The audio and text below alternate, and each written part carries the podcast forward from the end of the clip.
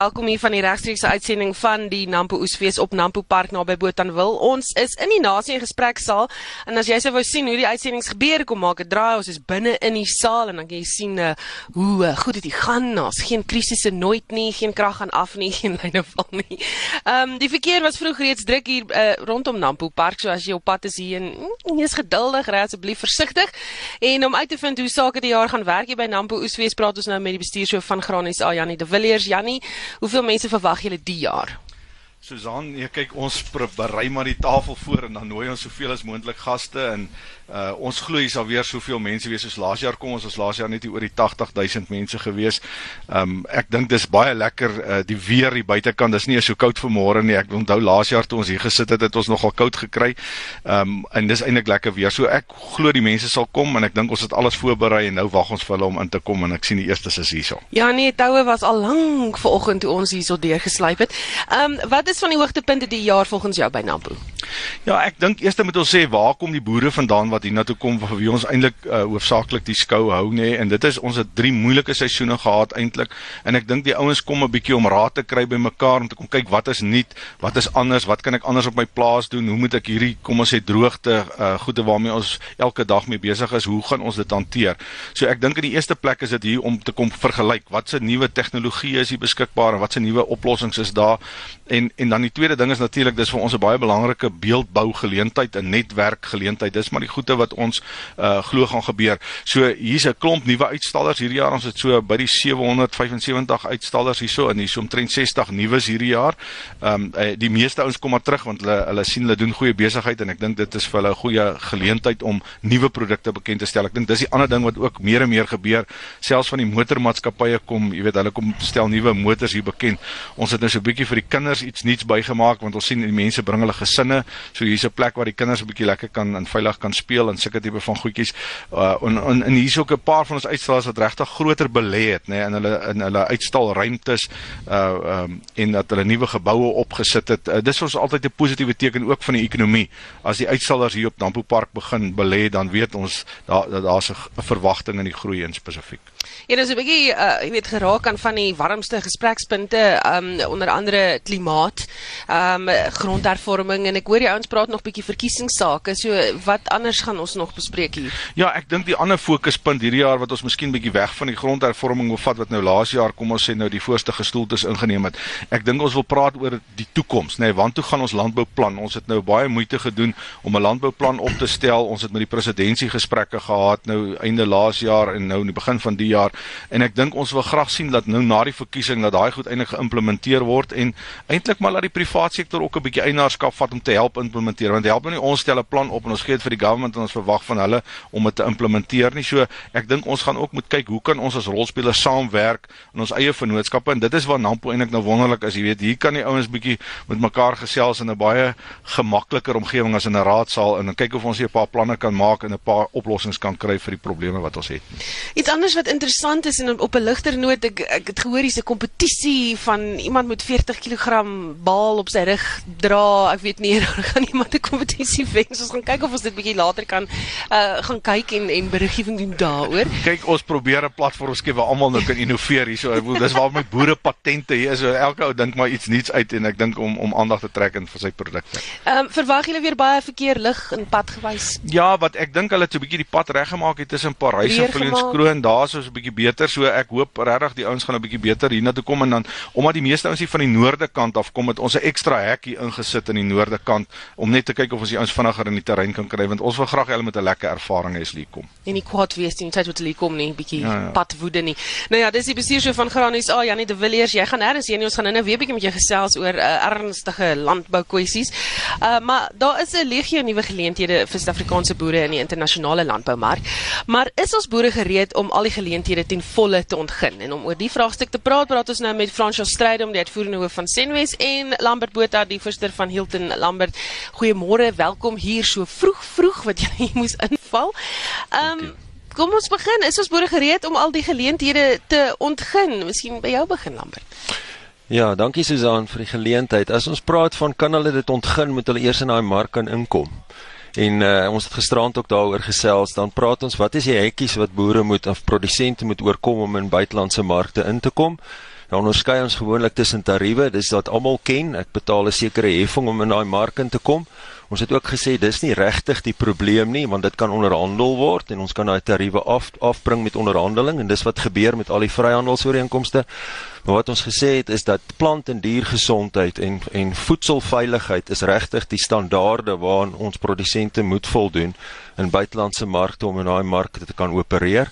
En daardie standaarde word nie net deur regerings vasgelê nie, maar daar's baie standaarde wat deur die privaat sektor by by handelsfinansiering en handelfinansiering sien ons dit nou en en natuurlik ook op op uh, op verkope uh in in uh, in in uh, in winkels wat wat uh, uh jy weet verbruikers sekere voordele het en ons moet toegerus wees uh beide as regering uh en as uh organisasies produksieorganisasies om daardie kapasiteit te hê om om uh jy weet te sorg dat ons aan daardie standaarde voldoen. Fransjo? Ja, ek dink Lambert het nou uh, van die ek wil amper sê die meer ingewikkelde goed. Jy weet 'n boer dink bloot uit 'n produksie oogpunt dit. As jy kan ek die produk produseer, kan ek hom op 'n ekonomiese basis produseer, kan ek hom op die regte standaarde. Uh maar Lambert het nou daai venstertjie oopgeskuif. Jy weet hoe hoe ingewikkeld dit is eintlik in die internasionale handel. Ons sien nou wat besig is om af te speel tussen Amerika en China. Jy weet dit is dit is iets wat wat soort van bo kan die produksie vlak van die van die boer lê. So uh bloot uit 'n produksie vlak effektiwiteit. Ehm um, ons boere is gereed, hulle doen dit reeds van die rowweg 32 ehm um, kommoditeite wat voedsel en veselkommoditeite aanbetref. Dis rowweg 22 van hulle is netto uitvoerders. Ehm um, sommige van hulle het sommer in die onlangse verlede het hulle netto uitvoerders geraak. Rooi vleis was in 2012 nog 'n netto invoerder. 2018 was ons 'n netto uitvoerder. So van 'n produksiekant af en effektiwiteit en op ekonomiese basis kan ons boere dit doen. Maar ek dink uh, hierdie aspek waarna Lambert verwys het is 'n uh, dis 'n 'n totale ander uh, in 'n nuwe veld wat ons uh, baie het om te leer en uh, vordering nog moet maak. Nou, ehm um, kos wat een tree terug, jy weet, wat se tipe geleenthede? Jy weet julle raak nou so half daaraan, maar wat se tipe geleenthede is daar wat hulle kan ontgin?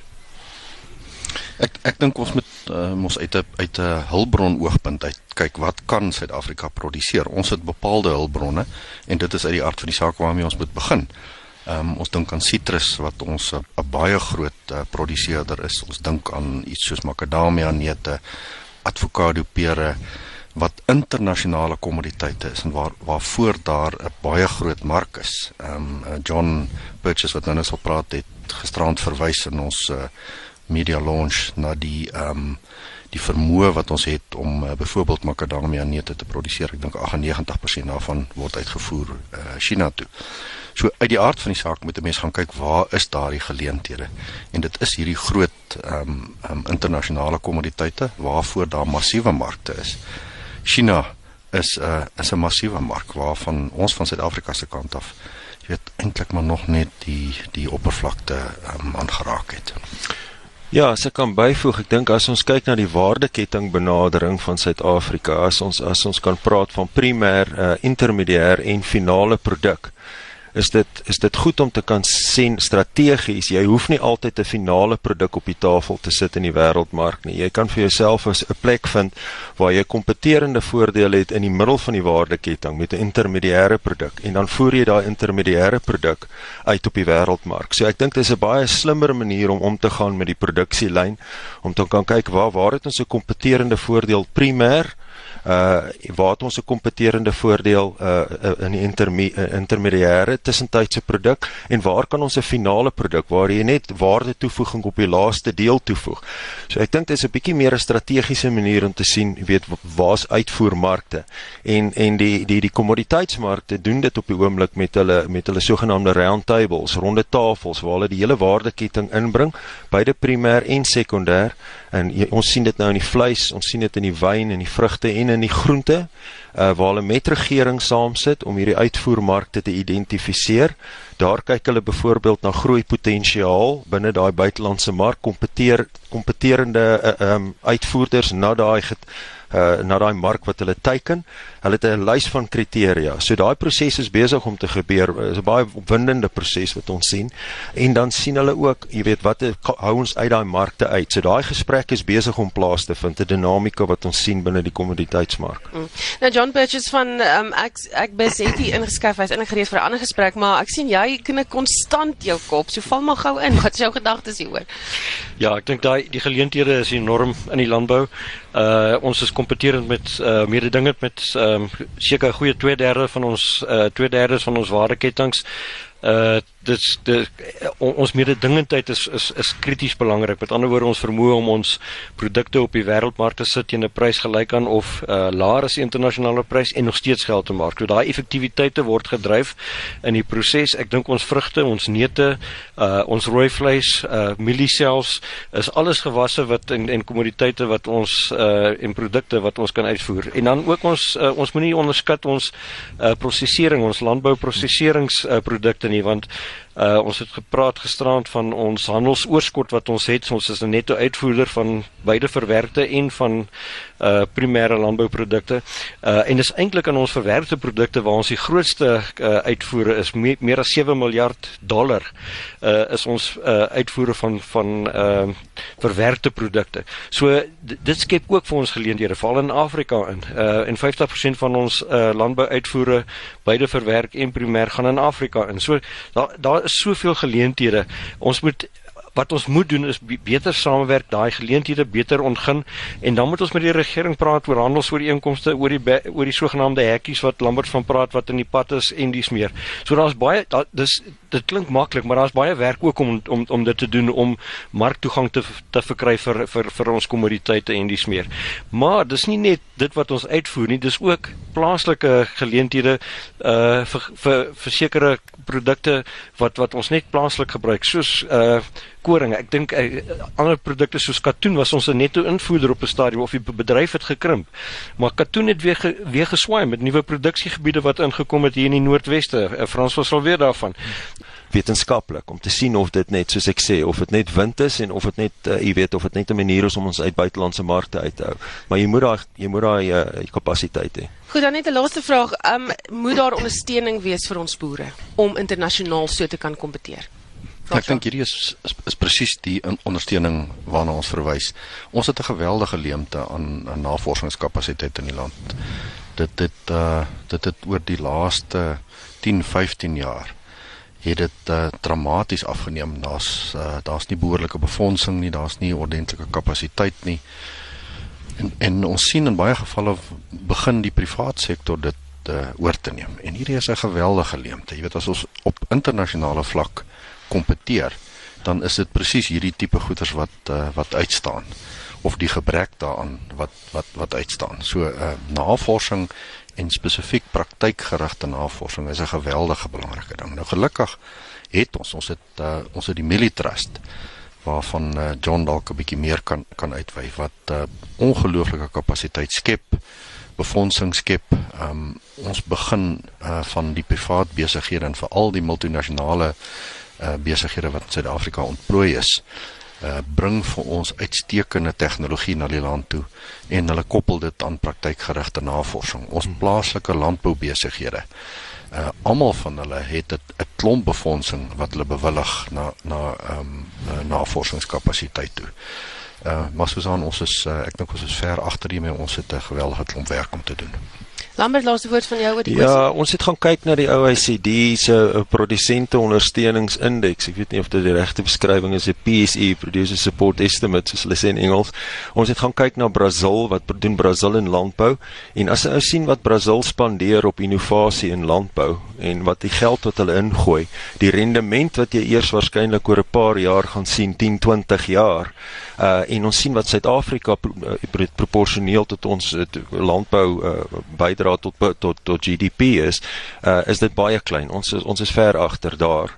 Ons spandeer wel geld op ander plekke. Ek dink die vraag wat ons moet vra is is die plekke waar ons tans geld staatssubsidie wat baie min is, uh, ek dink is 2%. Uh jy weet uh van van van van van van, van uh, jou inkomste op op op plaasvlak, uh spandeer ons dit op die regte plek. So dis beseker iets wat ons sal moet kyk na na na navorsing en innovasie in landbou en geld daarin gooi. Hmm. Baie dankie. Dit was die stem van Lambert Botha, die voorsitter van Hilton Lambert, as ook Fransjo Strydom uh van Senwes wat uh, vroeg ingekom het en bietjie met ons gesels oor landbou. Nou die landbousektor en die regering sit nie altyd om dieselfde kamp vuur nie, maar die twee groepe is konstant besig om te onderhandel om wel hulle verhouding te laat vlot. En onlangs het die regering onderneem om kwessies wat groei in die beheer te verwyder in 'n 5 jaar landbousektor plan as die landbousektor onderneem om planne in plek te stel om groei, werkskepping, vaardigheidsontwikkeling, belegging en transformasie te bevorder. En ons praat met uh, John Purchase, voorsitter van Agbus, klaar voorgestel. Ehm um, as ook uh, Janie de Villiers van Graan SA. Ehm um, John, wat is die grootste kwessies wat groei in die landbousektor op hierdie stadium strem? Ja, ek dink die tot 'n mate het ons reeds daaroor gepraat en en ons dink die eerste en die grootste en belangrikste kwessie wat ons moet doen is marktoegang. Uh want ons is eintlik versadig reeds met dit wat ons produseer in Suid-Afrika met meeste by verre amper 2/3 van ons kommoditeite. So ons moet daai marktoegang uh oopmaak. Met ander woorde ons moet met die regering praat oor handelsooreenkomste, oor sogenaamde uh, barriers to trade en al daai goed wat ons moet regkry. Maar die tweede ene en dit gaan ook uh, uh wat ons geïdentifiseer het is is is uh opleiding en vaardighede wat ons nodig het in die in die die ehm um, sektor. 'n uh, derde ene is is die infrastruktuur wat nodig is om om eh, eh, want ons het logistiek nodig om kos te vervoer en kommoditeite te vervoer deur die hawens, deur die spoorweë en dis meer. En dan die ander ene is is, is plant en diere gesondheid. Uh is 'n kritiese kwessie in Suid-Afrika en ons sien al hoe meer probleme met het sy back and claw uh varkgriep en dis meer wat wat werklike impak het op ons bedrywe en en dan natuurlik ook aan die plantkant. So en daaroor het ons reeds in die departement 'n stuk of tientalle poste wat nie gevul is wat eintlik gevul moet wees om daai reguleringe goed te doen en dis waar daai onus of druk dan al hoe meer op die private sektor kom om hierdie hierdie probleme uh aan te spreek met kundigheid en die smeer. Ek dink dis ook daarna verwys. Ja, ek, ek sien toe as jy praat van die privaat sektor dan wys jy vinger daarna Jannie. wat het jy nodig van die regering? Ja, weet jy nie, ek dink die ander ding wat ek by John wil byvoeg is die finansiering vir ons nuwe boere nê. Ek bedoel ons het nie 'n model in die land waar ons hierdie swart boere wat nou grond gekry het Nou het hy besit nie daai grond nie. Nou het hy geen sekuriteit om na die bank toe te gaan nie. Nou kry hy nie finansiering en nou lyk dit of hy nie kan boer nie. Iewester moet ons of die grondding oplos, met ander woorde ons moet of die plaas vir hom kan gee, weet onder 'n lening of een of ander so iets dat hy dit as sekuriteit kan gaan aanbied of ons moet vir daai ou sê hier's 'n staatswaarborg wat gaan help dat hy net eers aan die produksie kan kom.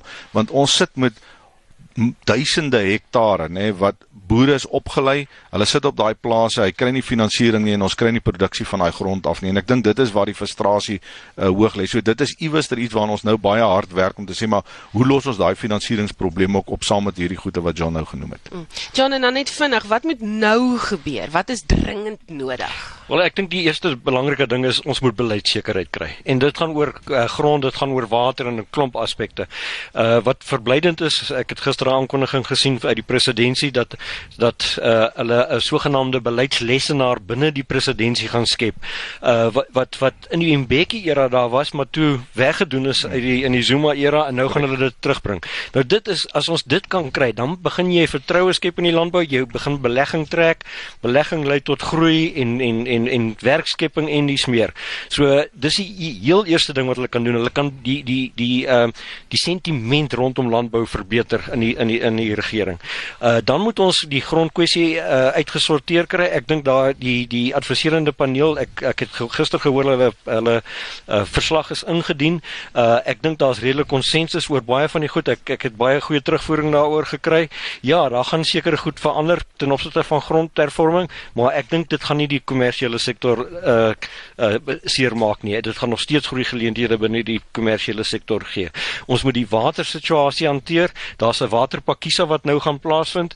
Uh ons gaan deelneem aan daai gesprekke. Water gaan 'n groot kwessie word in Suid-Afrika. Dit is reeds 'n groot kwessie.